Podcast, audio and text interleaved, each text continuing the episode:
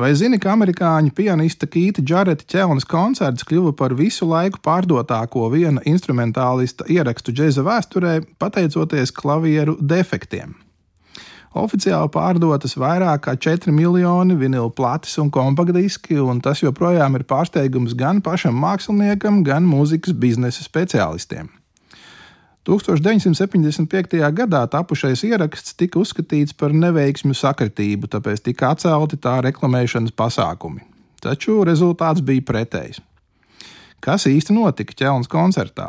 Vispirms tam gluži vienkārši nevajadzēja notikt, zinot Džareta neparedzējumās emocionālās reakcijas un diezgan prognozējamo viedokli gadījumos, ja kaut kas neliecināja par pienācīgu gatavību koncertam. 24. janvāra vakars 1975. gadā Ķelnas opernamā bija tieši šis gadījums. Tikai pateicoties ļaužu pārpilnējai koncerta zālē un vēl dažiem aspektiem, kurus minēšu mazliet vēlāk, Džarets 11. vakarā tomēr sēdās pie koncertam ausīm dzirdami nesagatavotā instrumenta, lai nospēlētu ierasti brīvas improvizācijas koncertu. Tas tomēr tika ierakstīts un arī izdots lakoniski nodēvējot dubultplati par The Köln koncertu. Par netipisku reklāmu kļuva ap koncertu uzburtās leģendas. Ķelnis koncerts bija pēc skaita piektais Kīta Eiropas tūrē. Tolēk izdevniecības ICM vadītājs Manfrēds Ehers pats vadīja mākslinieku no koncerta uz koncertu ar savu nelielo Renault R4 markas automobīli, Ķelnē abi ieradās ar nokavēšanos un noguruši pēc ilgā pārbrauciena no Lozānas, Šveicē. Brauciena nomocītajam un ierasti nekavējošajam Džaretam tika paziņots, ka noticis pārpratums, un pieteiktā Bozendorfer 290 flīģeļa vietā, kas sagatavots koncertam, stāvēja opernam pagrabā. Tehniskais personāls uz skatuves nogādājis tā mazāko brāli, ko izmantoja kora mēģinājumiem. Turklāt ne jau pirmo gadu. Instruments bija ne tikai nolietots, bet arī nedaudz atskaņojies, un tam netrūka arī defektu labajam pedālim, kā arī dažiem taustiņiem.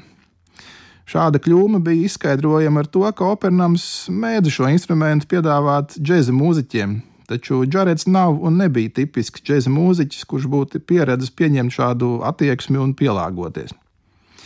Brīnumainā kārtā Kīts tomēr piekrita uzstāties, jo iespējams jutās vainīgs par nokavēšanos. Pats viņš tā vakar izjūtas nav komentējis, vien paziņojis, ka toreiz nospēlējis pārāk daudz nošu. Eihers savukārt bija satraukts par faktu, ka Kīts atkal bija sūdzējies par nepārējošām muguras sāpēm, kas situāciju nekādi nepadarīja labāku. Neskatoties uz iekavēto vakara sākumu, Džarets gan eh, negrasījās uzreiz kāpt uz skatuves, bet eh, kopā ar Manfrēdu aizdevās vakariņās uz itāļu restorānu.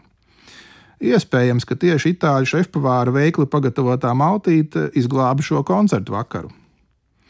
Kīts uzbruka mazajam Bozendorferu vestētiņam no negaidītām pusēm, ņemot vērā tā defektus un saglabājot maksimālu koncentrēšanos.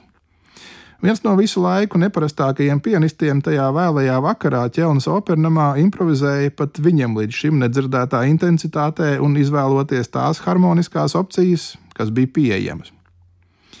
Rezultātā kritiķi un klausītāji koncerta ierakstā saklausīja diametrāli pretējas lietas. Vieni apgalvoja, ka tur ir atsauces uz Šubertu. Atcerēsimies, ka Džarets Aležs mitis kaut kur pa vidu starp džēza un klasiskās mūzikas pasauli. Citi slavēja inovatīvus džēza risinājumus. Atradās arī skeptiķi, kuri apgalvoja, ka tas viss ir mārketinga triks, un Kīts ir sagatavojis programmu patiesībā preparētām klavierēm. Lai kā arī nebūtu pēc šī stāsta nolasīšanas, man pašam sagribējās vēlreiz uzlikt uz atskaņotāju plati ar lakonisko uzrakstu The Cone Concert. Un atminēties veco labo teicienu, ka ierobežojumi bieži vien var atbrīvot fantāziju daudz efektīvāk nekā neierobežota brīvība.